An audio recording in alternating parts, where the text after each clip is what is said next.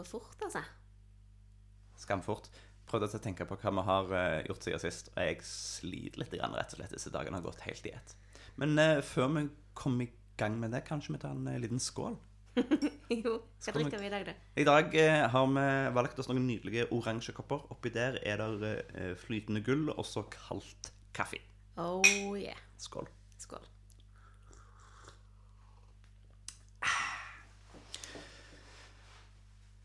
Ja, for denne podkasten spilles jo inn på morgenen. Det, eller kvelden. Det varierer. altså, Sist når vi satt med whiskyen, så satt vi altså ikke tidlig på morgenen. Nei. Selv om det hørtes jo egentlig ut som en fin måte å starte dagen på. Eh, Er det sånn det blir på gård? Må ta deg en tår om morgenen for å komme gjennom dagen. det det er jo derfor eh, alt skal kjøres eh, på sykkel. Eh, For da er det ikke så farlig. Ja, nei, eh, nei Hva har skjedd siden sist, da, Mari? Det, Ja, jeg tenkte det kunne være en eh, lur start. For det første så Vi har jo lagt ut denne podkasten, og vi har ikke sagt til noen at den er lagt ut. Eller vi har ikke gått så veldig høyt på banen med den ennå. det er sånn Men eh, mystisk, det er eh, faktisk en del som har hørt på den allerede. Det er jo ganske gøy. Det er fascinerende. Så eh, dere ni stykker Tolv. Tolv nå? Ja. Shit, pommes frites. Dere er tolv stykker som har hørt på det. Den ene kanskje oss, da, for øvrig. Men dere er elleve. Tolv, eller et eller annet minus én som har hørt på podkasten vår. ja. Jeg ringte min søster i går. Hun var ikke en av de som hadde hørt på. Så det, Men takk for eh, det er deres veldig iherdige interesse. ja, det er kjempegøy.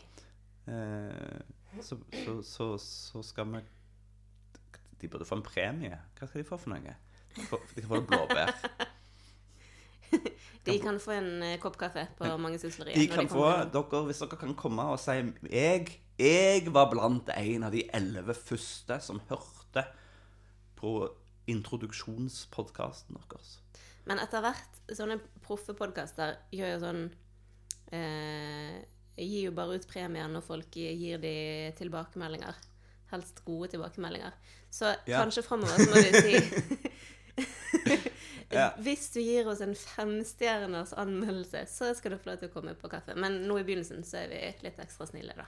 Vi krever ikke Ja, masse jeg tenker, tenker du, du må ha for uh, Du må ha for uh, innlevelse hva heter det? Sånn, du får Ja, det innsatsen, krever jo litt innsats å leite fram den podkasten helt på egen hånd. Ja.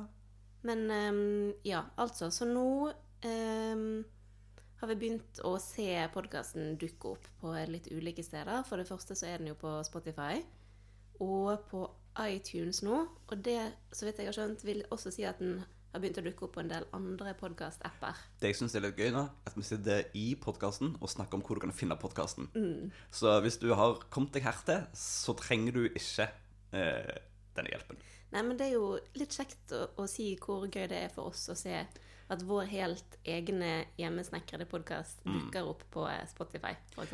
Ja. ja. Det skjedde jo på liksom to minutter. Ja, Spotify var raskest. Det var helt sinnssykt. De andre driver med sånn eh, manuell godkjenning og sånn. Ja.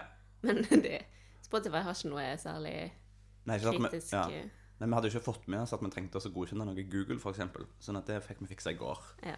ja, så det humper og går. Men vi lærer Yes. oss stadig nye ting. Men OK. Um, vi har jo eh, lagt bak oss en uke hvor vi egentlig har gjort veldig, veldig mye. det Mm. har gått litt sånn i ett. Jeg husker vi startet på mandag med å lage en to do-liste med gjøremål for hver dag. Mm. Og det, den listen var så lang som et vondt år, og jeg tenkte at vi kommer aldri til å komme gjennom halvparten engang. Det er bare så vanvittig ambisiøst. Men vi har fått til ganske mye mer enn deg. eh, Ja, 90 vil jeg si. Ja. Cirka. Det er jo veldig bra. Det syns jeg er kjempebra. Nå er det vel å merke de konkrete tingene vi har fått gjort, og et par av de litt mindre konkrete tingene som er vanskelige å bli ferdig med. Men eh, fy søren så deilig det har vært å få, få gjort de tingene vi har gjort. Mm. Så de første dagene av uken um, gikk jo i veldig stor grad med på å kjøre og frakte ting. Ja, For dette har vært den store skaffa alt vi trenger til å komme i gang. Ja. uka.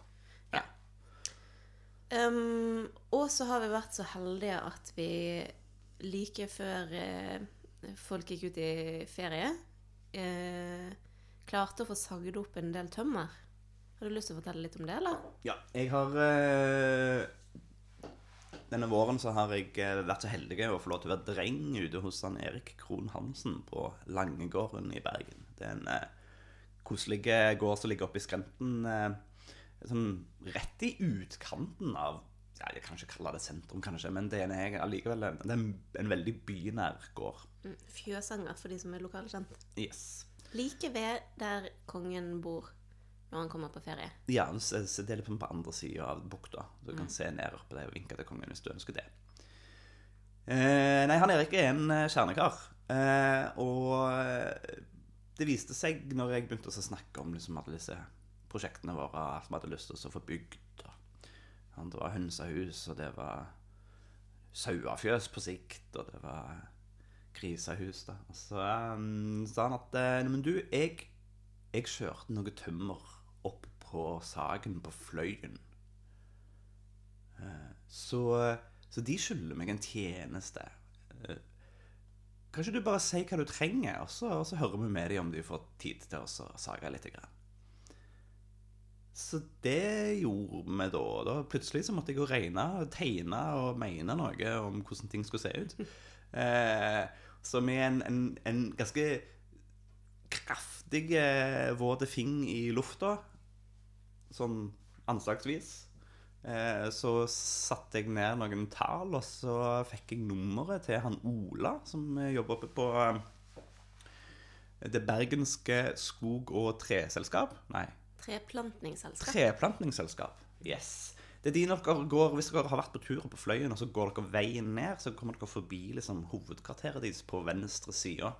Men saken deres den ligger jo langt oppi der. Uh, I alle fall, Ola var en champ og klarte liksom de siste par dagene før han skulle på ferie, til å presse inn uh, imellom de andre tingene og få sagd opp en del tømmer. Som resulterte i at vi trengte å kjøre tre turer. Første turen så, så var det litt tungt for bilen, så han eh, putra litt hardt opp gjennom bakken. jeg var så redd for at vi skulle break down midt i den der lange oppoverbakken fra Trengereid. Det var litt i overkant. Altså, jeg, tror, jeg tror vi var innenfor liksom, det bilen kunne, hadde lov til å gjøre. Det var bare den bakken som sabla drøye. Nei, i alle fall, så, Men eh, med, det, det er blant annet det vi har gjort. altså kjøre dette tømmeret. Så det var en bunch med to-fire, og så en bunch med noe sånn en kledningsplank. Og noe én-to-greier og sånt. da. Eh, Det er ikke alle som skjønner hva du mener når du sier 2, 4 og 1, 2. Ok. En 2-4. Det er Av en eller annen grunn så, så snakker vi fremdeles i empiriske mål når vi snakker om ting som som regel er målt opp i, i, i eh, sånn, sånn internasjonale eh, metriske eh, ting. Så 2-4 hen, henviser til to tommer, fire tommer. Altså da en, en eh, planke eller en, en lekt, om du vil. Som er eh, to tommer ene veien og fire tommer andre veien, også så lange som du har behov for eller muligheten til å få kappa. Eh, det tilsvarer da, hvis du går i trelasten, en 48 mm ganger 96. Og hvor går grensen mellom en lekt og en bjelke? Det må du spørre noen andre enn meg om. Jeg tipper eh, det øyeblikket han slutter å stå på veggen eller bære taket, og blir til noe du tråkker på. Mm. Ja. Jeg, jeg, jeg tror at det handler mer om bruket enn dimensjon. Ja. Men eh, det må noen andre svare. I alle fall, så ja. Masse. Ja, jeg vil jo bare mm, eh, Nevne den eh, litt eh, Ja, for min del så var jo den der eh, eh, transportetappen for å kjøre opp og hente det tømmer en skjellsettende opplevelse. for eh, jeg vet ikke mm, hvor mange, er, om, hvor mange som er kjent på Fløyen, men altså Det går jo en ganske lang snirklete, snokete vei oppover, som de fleste går opp og ned når de skal til Fløyen. Mm. Um, Den går fra den idrettsplassen som heter Ja, idrettsplassen. Something. Eh, Og det er jo veldig åpenbart at eh, man skal jo egentlig ikke kjøre på den veien. Men så er det jo noen som har puttet en sag da på toppen. Og da må man jo komme seg opp og ned for å hente det tømmeret. Ja, men altså, det, det, det, kjører jo folk opp til denne restauranten Støtter Ja. stadig, og til barnehagen og Ja, ja, Det bare føles ikke som det er noe det er meningen man skal gjøre. Og i hvert fall ikke med den store lastebilen som vi hadde. For den Så tok jo hele veien. Denne veien ser eh, typisk ut som en, en hvilken som helst eh, bakvei på Vestlandet. Eh, snirklete og hårnålsvinger. Eh, det som Og gjør den litt bratt. Og det som gjør det litt ekstra spennende her, da, er at det øyeblikket sola tyder ut, så spretter det jo folk i hytt og gevær opp gjennom der. For da skal alle ut på tur opp til Fløyen, eller ned fra Fløyen. Så denne veien da, som har eh, gjerde og, og mur på ene sida, sånn at du ikke skal ramme ned skrentene, og berg på andre sida, og knapt nok breie nok til, til lastebilen, eh, det må du passe deg lite grann, sånn at folk ikke blir til syltetøy. Og de har jo ikke nødvendigvis vett nok til å forstå sjøl hvor det er lurt å gå, eller at det er smart å flytte seg når det kommer en stor lastebil, så det gikk jo litt sakte. Heldigvis. Det gjorde det. Ja. Heldigvis var det òg en liten lastebil, for så vidt. Det var ikke en liten lastebil. Ja, du får var- det ikke mindre enn det hvis du kan- skal kalle det lastebil. Ja, ok. Så du som hører på, kan kanskje merke at det er en liten um, eh, uenighet blant podkastvertene om hva man anser som et stort og lite kjøretøy. Men sånn for min egen del, da, så trives jeg veldig godt med med små biler. Det er veldig, veldig kjekt. Prøver du å si at Gunda er fei, det? Ja. Men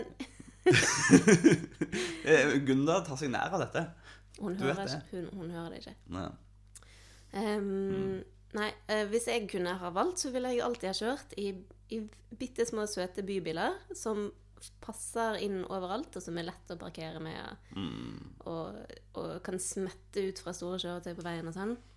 Um, og så skjønner jeg jo det, at livet på gård innebærer at man ikke bare kan kjøre sånne biler. Det blir litt større ting, spesielt når man skal frakte. Og Å komme seg fram i det hele tatt. Med en sånn liten fis så hadde du jo stått i bakken på vei oppover. Ja, og størstedelen av det å være bonde eh, handler jo kanskje også om å frakte ting. Så Ja. eh, jeg skjønner det. Jeg liker det ikke nødvendigvis. Og, det, er, det kommer til å bli en lang tilvenningsperiode. Men nå Det går jo rette veien. Nå har vi jo kjøpt en gårdsbil i sommer som heter Gunda. Som er en Nissan. Navarra Ja. D40 fra 2007. Ja, men merket er Nissan, sant? Ja, det Ja. stemmer. um, som en pickup. Mhm. Den har jeg ikke turt å kjøre ennå, men jeg begynner å bli vant til størrelsen på den. Jeg tror det var veldig fint å kjøre den lastebilen litt. Grann. For når vi da satte oss inn i Gunda, så var jo hun nett og liten og vanlig igjen. Ja, så jeg begynner å merke at vi nærmer oss det punktet at jeg snart tør å kjøre. Mm. Det blir stas.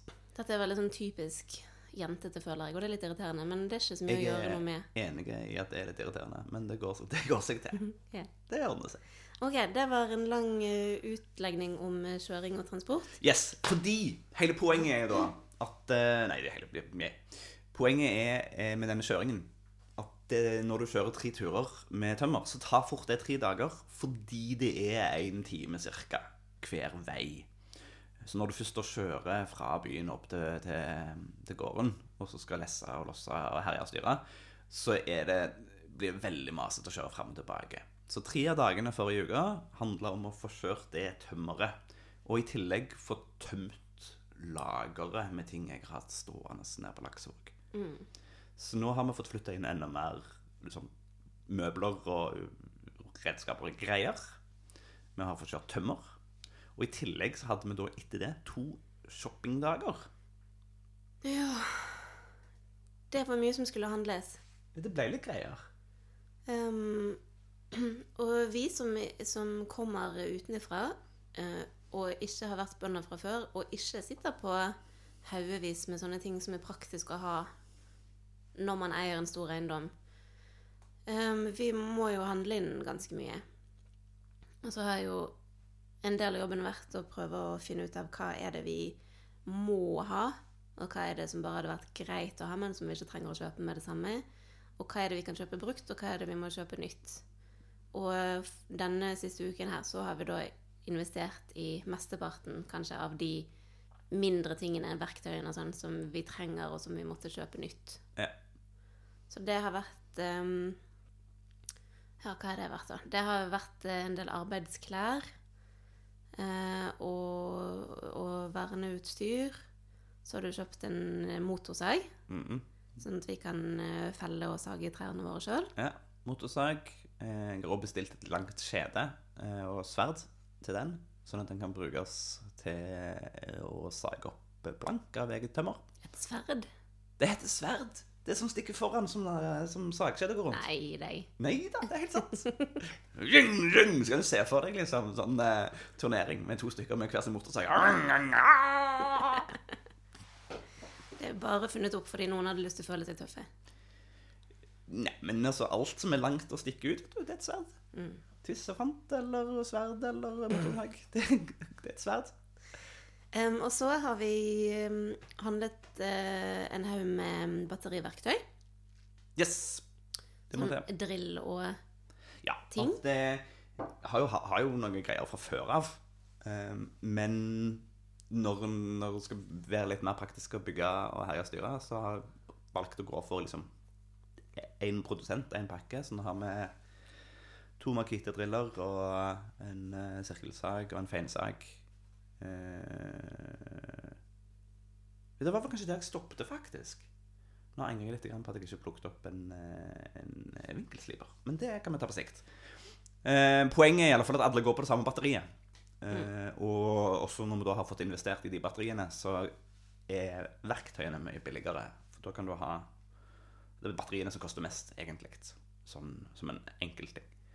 Så da kan du kjøpe rimeligere eh, verktøy fordi du ikke trenger å kjøpe batteri med dem. Og så kan du klakke på de batteriene du har. Og så er det kraftige 18-voltsbatterier som gjør at du kan få gjort en ganske god jobb der ute eh, når, hvor du ikke har tilgang til å plugge strøm noen plass. Denne podkasten er for øvrig ikke sponset av Makita. Nei. Men eh, hvis dere trenger noe å, å eh, er i, bergensområdet, så syns jeg dere skal ta turen til Byggservice ute på Nesttun. Eh, Midtun. Bygg en gro. Bygg Angro, ja. Hva var det jeg sa? Byggservice. Byggservice er en helt annen plass. Jeg vet ikke hvor jeg, Gudene vet. Bygg Angro. De er stilige. Ja, Yes. vi liker de. De liker sikkert oss òg, for vi har puttet masse penger på de. um, jeg er jo av den typen som um, er ganske opptatt av økonomi. Og helst gjerne vil spare så mye jeg kan. jeg vil gjerne at det skal være mer penger på konto denne måneden enn forrige måned, og jeg har aldri lyst til å bruke de.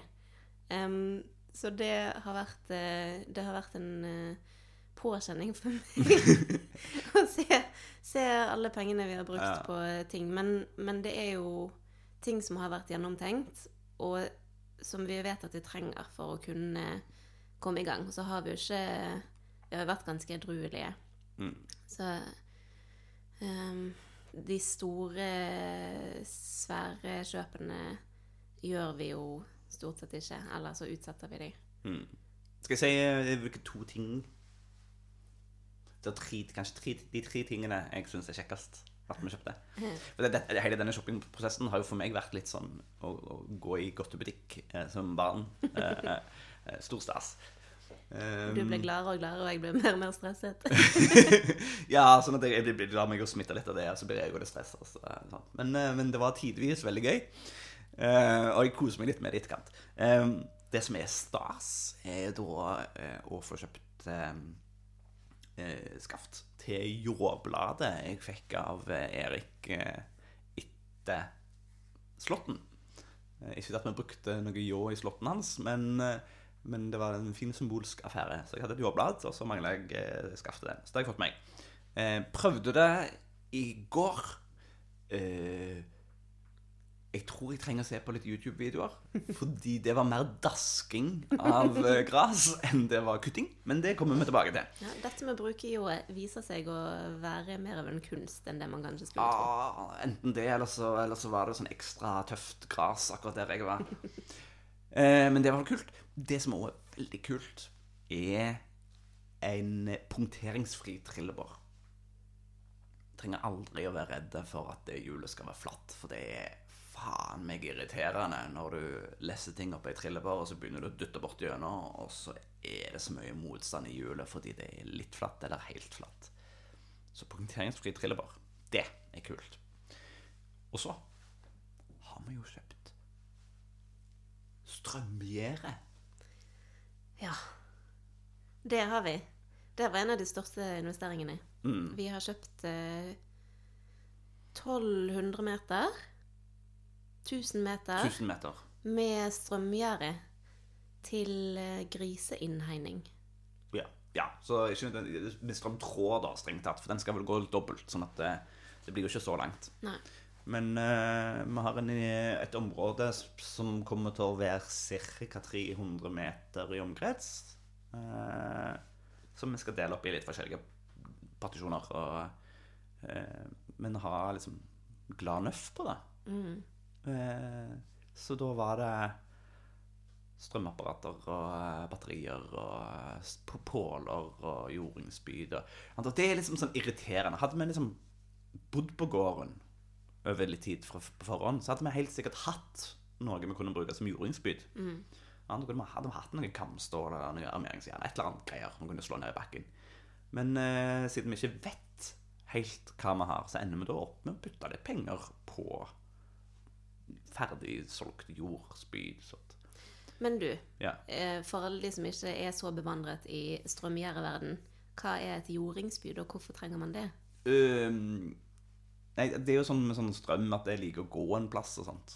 Uh, så strømapparatet som du kobler på ja, ja, OK, vi tar det et hakk tilbake. Så strømgjerdet fungerer som en tråd som går rundt et område. Eh, den tråden eh, får jo da pulser av strøm gående gjennom seg. Pulser, altså, ikke pølser. Ja. Med U. U, U pulser. Eh, ikke pulser. Nei. Eh, det er et strømapparat som genererer. Det apparatet får strømmen fra en eller annen plass. Og det er da enten en plugg i veggen, eller solcellepanel, eller et batteri. Ja, så strømmen kommer fra en av disse kildene, går via et strømapparat som omformer strømmen, eh, enten fra sterk strøm til svak strøm. Altså den sender iallfall ut 9 volt i, eh, ut i den tråden. Men vi er ganske høye Og nå må jeg holde tunga rett i min munn. Fordi det er lave volt, men det er høye Hjul? Nei. Uansett, det er ganske feiste greier, da. Det er sånn dere har kanskje vært borti en strømtråd en gang og sagt au! Eh, Når dere har kjent pulsen. Ja. Så greia er at dette strømapparatet, som får strømmen inn en plass, og sender den ut en annen plass, vil ikke fungere med mindre det er jorda i bakken. Så da kommer disse jordingsbydene inn. Og det at jordingsbydene sitter skikkelig i bakken, er helt avgjørende for at det skal fungere. Eh, Så da eh, ble vi sterkt anbefalt å i alle fall ha to, og helst tre jordingsspyd. For å være helt sikker på at det blir god overføring fra apparatet og ned i jorda. Sånn, Så da, også, så da kjøpte vi da noen sånne stålstenger på ikke, en meter eller noe sånt. Meter og 20, kanskje. Eh, tre stykker som det å slå ned i en liten trikant eh, rundt eh, et eller annet område, så kobler du ledning opp til apparatet. da. Så det å bygge gjerde og det å bygge grisehytter er det som står på planen framover. Ja, det er det første som skjer. Eh, nei, eller ikke helt, for det snakket vi om i går. ikke sant? At eh, vi bygger husene først, og så gjør vi gjerdet etterpå. Men, eh, men ja, i løpet, løpet av de neste to-tre ukene så er planen å ha på plass nytt hønsehus, grisehytter og griseinngjerding. og det griseområdet, det er jo et stykke unna gården. Det er litt avstand fra huset. Mm. Så derfor eh, endte vi opp med å kjøpe batteri, og ikke eh, sånne som kobles til strøm. Ja. Det er litt Noe som er litt eh, irriterende, ja, fordi at de batteriene kunne jo ikke lades opp. Nei, og det var ikke vi helt klar over. Ja. Vi hadde Eh, eh. en eller annen idé om at det gikk an å ta med seg batteri hjem og plugge det i veggen, og så ta det med ut igjen etterpå. Ja, og dette er ganske store bokser vi snakker om, Mm. som da må kjøpes på nytt eh, hvert år eller annet hvert år, eller noe sånt. Um, og at ikke gjerdeprodusentene har klart å produsere ladbare batterier, er helt vanvittig, syns jeg. Fordi Ja. Jeg syns ikke det er noe kjekt å skulle kaste de når de er tomme. Nei. Det var, de hadde én variant til salgs. Dette er da altså på Felleskjøpet. Eh, det kan godt være at det finnes andre løsninger der ute som vi ikke har fått med oss. Det Hvis noen der ute vet om det, så Tar vi vi veldig gjerne imot Veldig tips. gjerne mot tips. Men i hvert fall på Felleskjøpet så hadde de én variant med oppladbare batterier. Men det var jo de som hørte til solcellepanelene. Mm.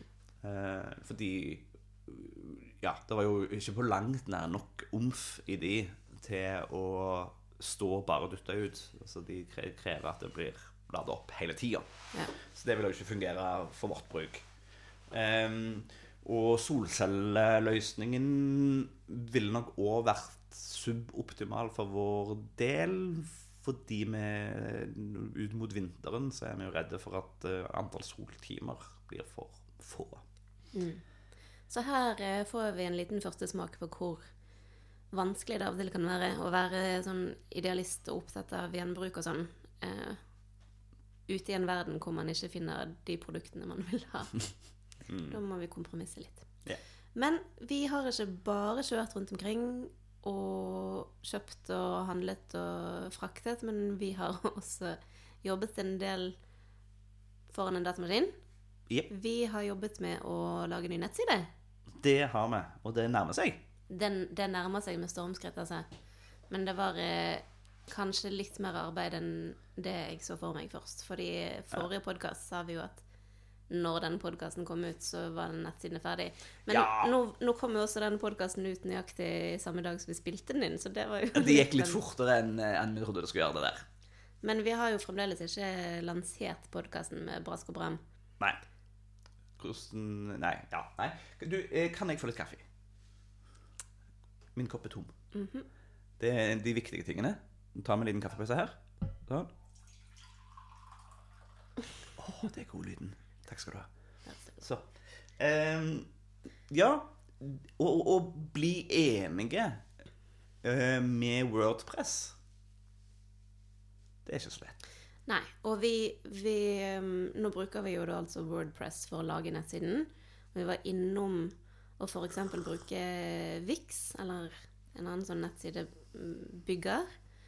Um, og det valgte jeg bort fordi vi eh, Hvis du bygger nettsiden din i Vix, så er det Vix som eier den, på en måte, eller som sitter på koden. Så du kan ikke flytte den rundt uh, hvis du er misfornøyd. Og det syntes vi var litt eh, dumt. Så da tenkte jeg at vi bruker Wordpress istedenfor. Men så blir det jo fort til at uh, de gjerne finner måter å skvise penger ut av deg på der òg. Ja, nå er det jo strengt tatt ikke Wordpress som har skvist noen penger ut av oss. men uh, men er det andre som har lagt lure løsninger for at Wordpress skal være litt enklere å jobbe med. Ja, fordi Wordpress i utgangspunktet ikke er særlig Jeg vil hevde er ikke særlig brukervennlig. Ikke hvis du har lyst til å ha litt kontroll over hvordan ting ser ut. Nei. Så tingen er at Wordpress kommer jo med en del eh, temaer, og en del av de er relativt enkle, og det funker jo fint hvis du vil ha det akkurat sånn som det temaet er.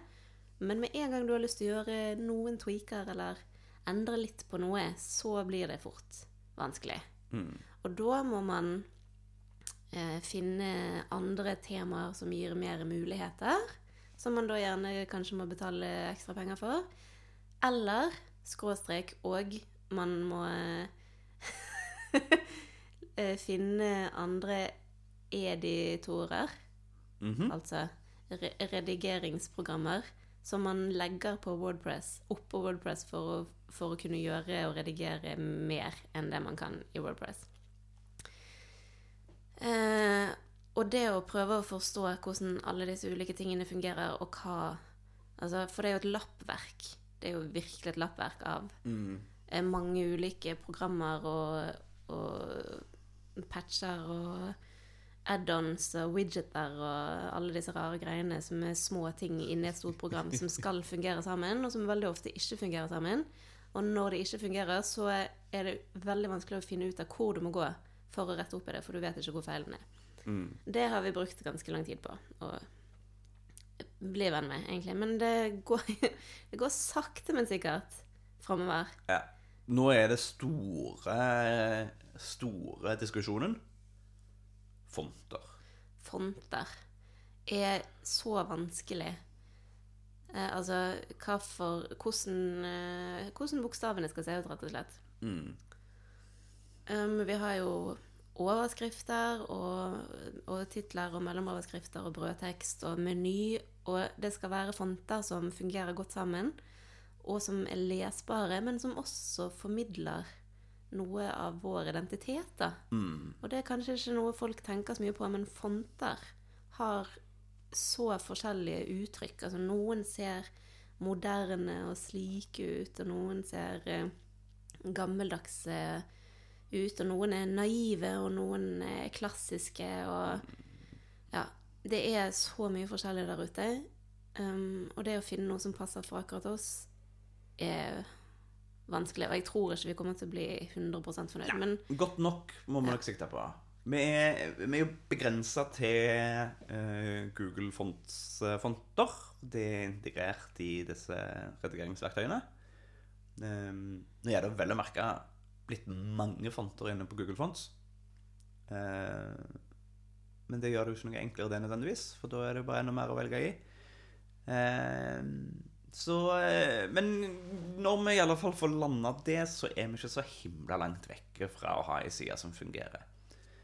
Eh, og det samme som en eh, ja, Som en konsekvens av at vi kobler opp Instagram-feeden til nettsida, så måtte vi plutselig få en Facebook-page på plass. Så nå har vi jo faktisk lagd det, selv om vi heller ikke har sagt til verden at den finnes. ja. Så det vi har fått på plass siden sist, er en Facebook-side som heter Gjengevold mangesysleri. Som eh, per nå har én like, og det er vel deg. Det er nok meg, ja. Men eh, der kan du jo da faktisk gå inn og like siden, for den skal vi begynne å bruke nå. Og en annen ting vi har fått, er en e-post Ja. som det går an å kontakte oss på. Og den heter hallo Hallo! at gjengevold.no. Der kan man sende en e-post eh, hvis man ikke har lyst til å kontakte oss på Facebook. Eller da på Instagram-siden vår, Shit, Mangesysleriet. pommes frites. Nå er vi plutselig mange plasser. Nå begynner vi å bli en del plasser. Det er gøy. det går framover. Og snart eh, lanserer vi hjemmeside òg. Oh! Det som var kanskje det mest eksotiske som skjedde i går, var når vi lagde den e-postadressen. Eh, for da, da er jo den eh, Ertegjengervold-affæren Den er jo via eh, sånn nettleverandøren vår. Eh, eller altså via eh, nettside. Ja. Ja. Men eh, så har vi ruta den til Gmail fordi vi syns det er praktisk eh, å bruke. Eh, og så, når du etablerer en e-post, ny e-post for business, så sier han Hei, har du lyst å claime businessen din og lage den eh, på liksom, Google-universet? Så sier vi ja takk, det har vi lyst til. Eh, og så eh, kommer vi inn der og får inn litt sånn informasjon og setter opp litt adresser og sånne ting. Og så får vi beskjed om at nå kan dere ikke ta og så redigere noe mer her før vi får verifisert at dere er legit. Så er dette adressen vi skal sende postkortet til. Det var så herlig analogt at jeg eh, De- trodde nesten ikke på det. Nei, de skal sende et kort med en kode på til postkassen til gården. Sånn at vi kan plukke opp det kortet og gå inn på interwebsen og skrive inn den koden for å verifisere at vi er faktisk de vi sier vi er, og vi har denne businessen. Det er fantastisk. Men Det det betyr jo da at eh, det tar et par uker før vi får gjort det, da. Ja. Så det kommer etter hvert, det òg. Jeg syns det er skikkelig koselig å tenke på at et eller annet sted eh, på Google-hovedkvarteret, så, eh, så jobber det en mann som driver og skriver disse postkortene. Og går og leverer dem Det er helt, helt sikkert sånn det virker. Ja. Det er ingenting som er automatisert i det der i det hele tatt. Nei. nei. Det er en postnisse. Det er en postnisse. OK. Det, det var en eh, lang eh, og um, inngående oppdatering om hvordan uken har vært. Ja. Jeg tenkte vi kunne ta opp tråden litt fra forrige episode, jeg. ja, skal vi ta en liten kjapp eh, runde på det du sa at vi skulle snakke om på et tidspunkt, som var Hvorfor heter vi Gjengevold mangesysleri? Ja. Det syns jeg er fint. Så hvorfor heter vi Gjengevold mangesysleri, da? Ja, nei, eh, vi kan jo ta mangesysleri-ordet først, kanskje. Mm. Mangesysleri er jo et ord som ikke er så veldig mye brukt i vårt moderne vokabular. Men det er jo et slags nikk til hvordan eh, jordbruket var i gamle dager. Ehm, da var det veldig vanlig, altså i gamle dager, da tenker jeg liksom 1800-tallet, eh, så var det vanlig at de fleste som bodde på landet, var mangesyslere. For det første så var det jo sånn at de, nesten alle som bodde på landet, var bønder. Så nesten alle produserte litt mat og hadde en liten flekk. Eh, Men eh, for å få inntekter og, og overleve, så eh, var det også vanlig at man kombinerte den lille matproduksjonen man hadde, med andre ting. Um, og det kunne være fiske, eller eh, at man tok jobb på et sagbruk, eller i et bergverk, eller at man solgte ja, solgte håndverkstjenester da, av ulikt slag. At man produserte andre ting i tillegg. Mm. Um, og det, det er mange syslerier, altså at man hadde mange ulike sysler som til sammen ble et levebrød. Det var en måte man kunne få det til å gå rundt på i gamle dager. Og det var jo også mye preget av sesongen. Altså, det du kan gjøre på sommeren, er noe an veldig annet enn det du kan gjøre på vinteren.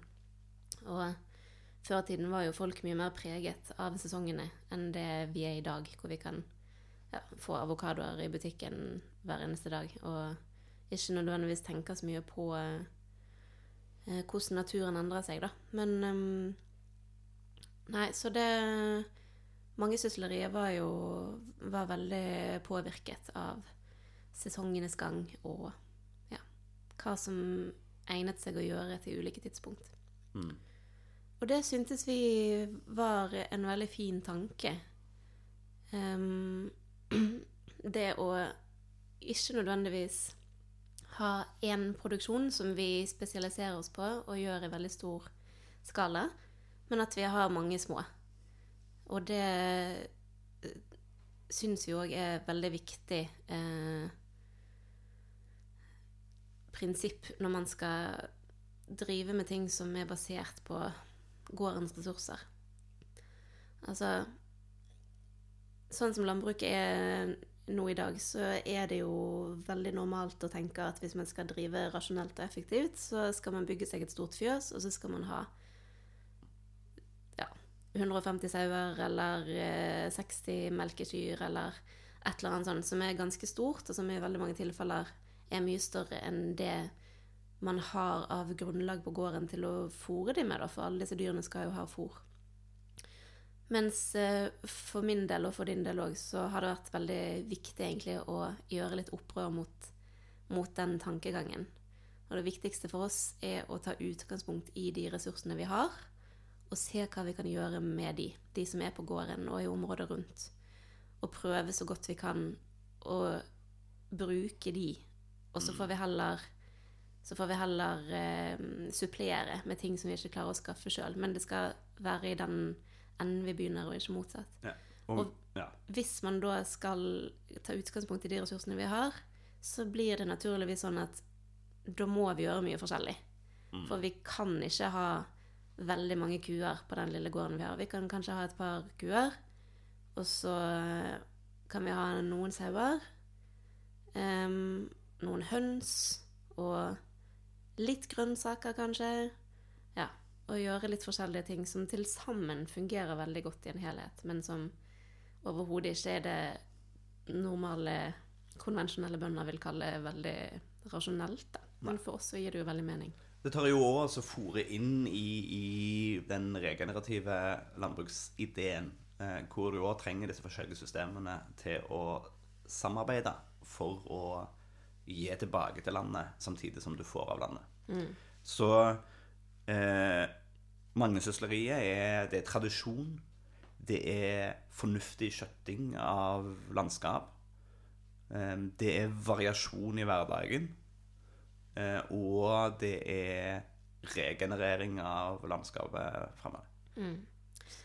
Og så er det jo veldig praktisk for vår del, da, fordi med, med mangesysleri så eh, binder vi oss ikke til noen ting.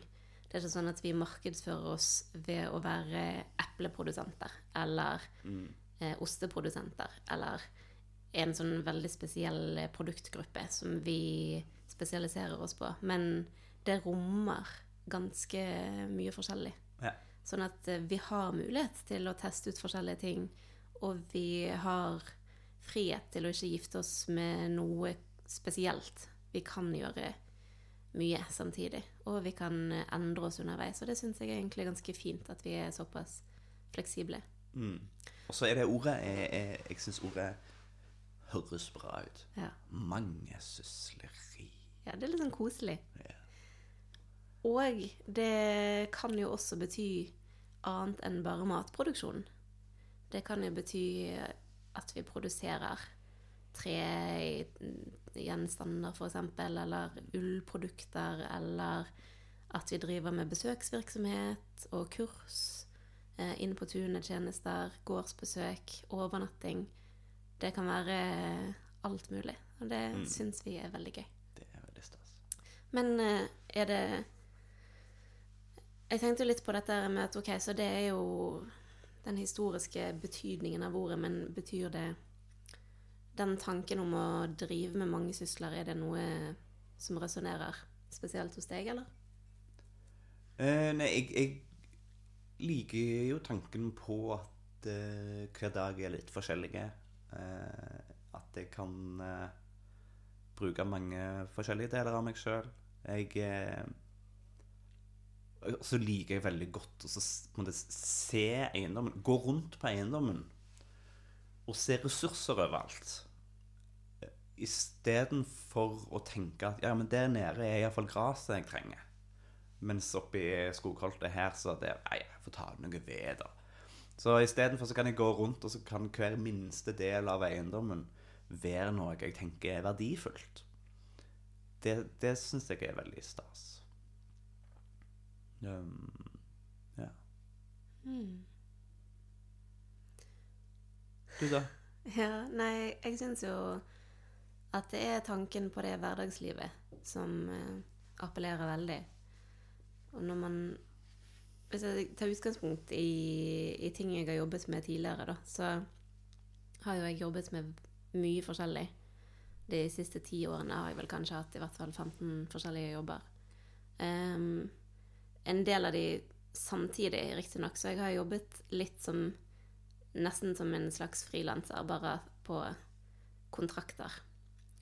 Um, og det har jeg jo valgt å gjøre delvis fordi jeg har følt behovet for å gjøre med mye forskjellig. Så jeg har jobbet både med kommunikasjon og med organisasjonsbygging og politikk en del ulike oppgaver. Um, og så har jeg merket det at hvis jeg har blitt lenge i en jobb, sånn et år eller noe sånt, avhengig, avhengig selvfølgelig av jobben, så har jeg eh, kjent på at jeg har blitt litt rastløs. Og så har jeg tenkt hva er det for noe som er i veien med meg som gjør at jeg ikke Altså at jeg ikke klarer å holde Eller trives, da, i én og samme jobb lenge. Så jeg har tenkt at det at det er noe veldig galt med meg, fordi det er jo forventet at man skal man skal bli til noen ting, og så skal man spesialisere seg på det, og så skal man eh, jobbe med det resten av livet. Ikke nødvendigvis i samme jobb, men innenfor samme fagfelt. Og jeg har tenkt at fy søren Jeg vet ikke om jeg kan klare å finne et eneste yrke hvor jeg skal jobbe i de neste 30 årene. Og trives fremdeles. Um, så, og da har jeg skjønt det at um, uh, variasjon og det å kunne få utfordret meg på ulike områder er kjempeviktig. Det er egentlig noe av det viktigste for meg i, i, i en arbeidssituasjon. Um, og da, etter hvert, så har jo jeg kommet fram til at hvis jeg skal klare det, så må jeg jo nesten eh, enten være kjempeheldig og finne en av de veldig, veldig sjeldne jobbene hvor man har mye variasjon, eller eh, starte min egen bedrift. For det å starte sin egen bedrift er jo en veldig god mulighet til å kunne gjøre mye forskjellig. Um, så dette mangesysleriet og det å starte opp et gårdsbruk med mye forskjellig er jo virkelig, tenker jeg, nesten den beste måten å gjøre det på. Da kan vi jobbe med dyr. Man kan jobbe med mange forskjellige dyr som har ulike behov gjennom året. Og så kan vi jobbe med videreforedling og prosessering av lokalmatprodukter. Så kan man lage pølser den ene dagen og syltetøy den andre dagen. Ja, mye forskjellig. Og så blir det òg mye jobb med all organiseringen rundt. da. Altså det å drive en bedrift, markedsføring, kommunikasjon. Det som vi holder på med nå på Instagram og nettsider og sånn. Um, og regnskap og økonomi. da, Sørge for at det er på stell, og at vi holder oss innenfor alle de reglene som gjelder. Og, ja. Så det er utrolig mange baller i luften. Men det er også noe av det som jeg tror kan gjøre at det blir interessant for oss også over tid, da. Mm. Mm. Ja. Det blir bra, det. Jeg har troen. Ja. Ja. Det er en annen del til det navnet. Ja. Ja. Gjengevold. ja. Ja. Den volden du går til. Ja. Det er ikke det det heter? Volden man går til. Ja. Ja, det er jo um, Vi brukte litt tid på å komme fram til det navnet, men så var det jo også samtidig ganske åpenlyst, på en måte.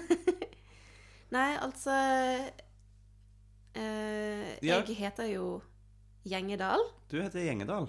og du heter Austvoll. Ja, og til sammen blir jo det Gjengevold. Ja. Som jo vi syntes var litt morsomt i seg sjøl, men så er det jo også et navn som betyr noen ting. Ja. og som symboliserer noe. Fordi den gården vi skal overta, den ligger jo på en vold. Mm. Um, Og vi ønsker jo at folk skal komme til oss. ja.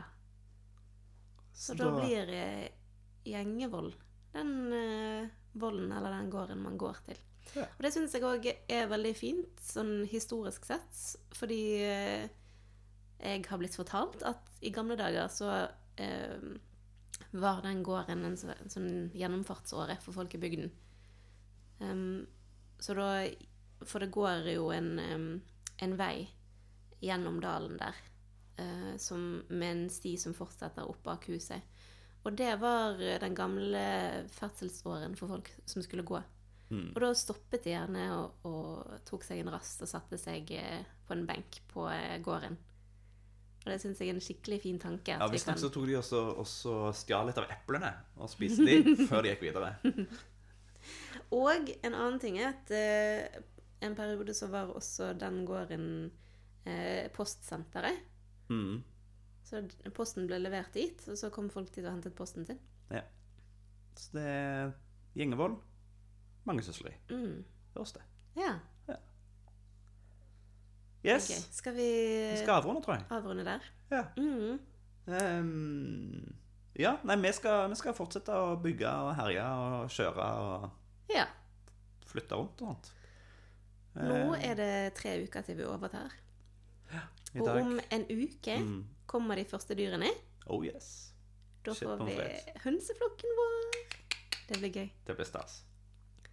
Så ja, eh, takk for at du hørte på. Gå inn og lik Facebook-siden vår. Og lik oss på Instagram. Ett mangesusleriet. Um, og hold øynene oppe for vår uh, veldig snart uh, snart uh, lanserte nye hjemmeside. Det blir Yes. kjekt. OK. Woot woot! Tudle deg. Shalabais.